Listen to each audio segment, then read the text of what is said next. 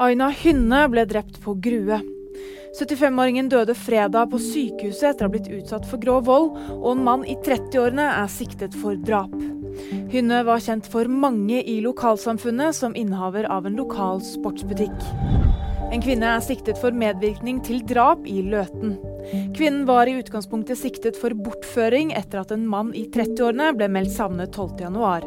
Lørdag forteller politiet at sikkelsen er endret til medvirkning til drap. Det skjer etter funn av det som politiet tror er levninger på gården til kvinnen, i tillegg til blod fra den savnede mannen. Kvinnen erkjenner ikke straffskyld.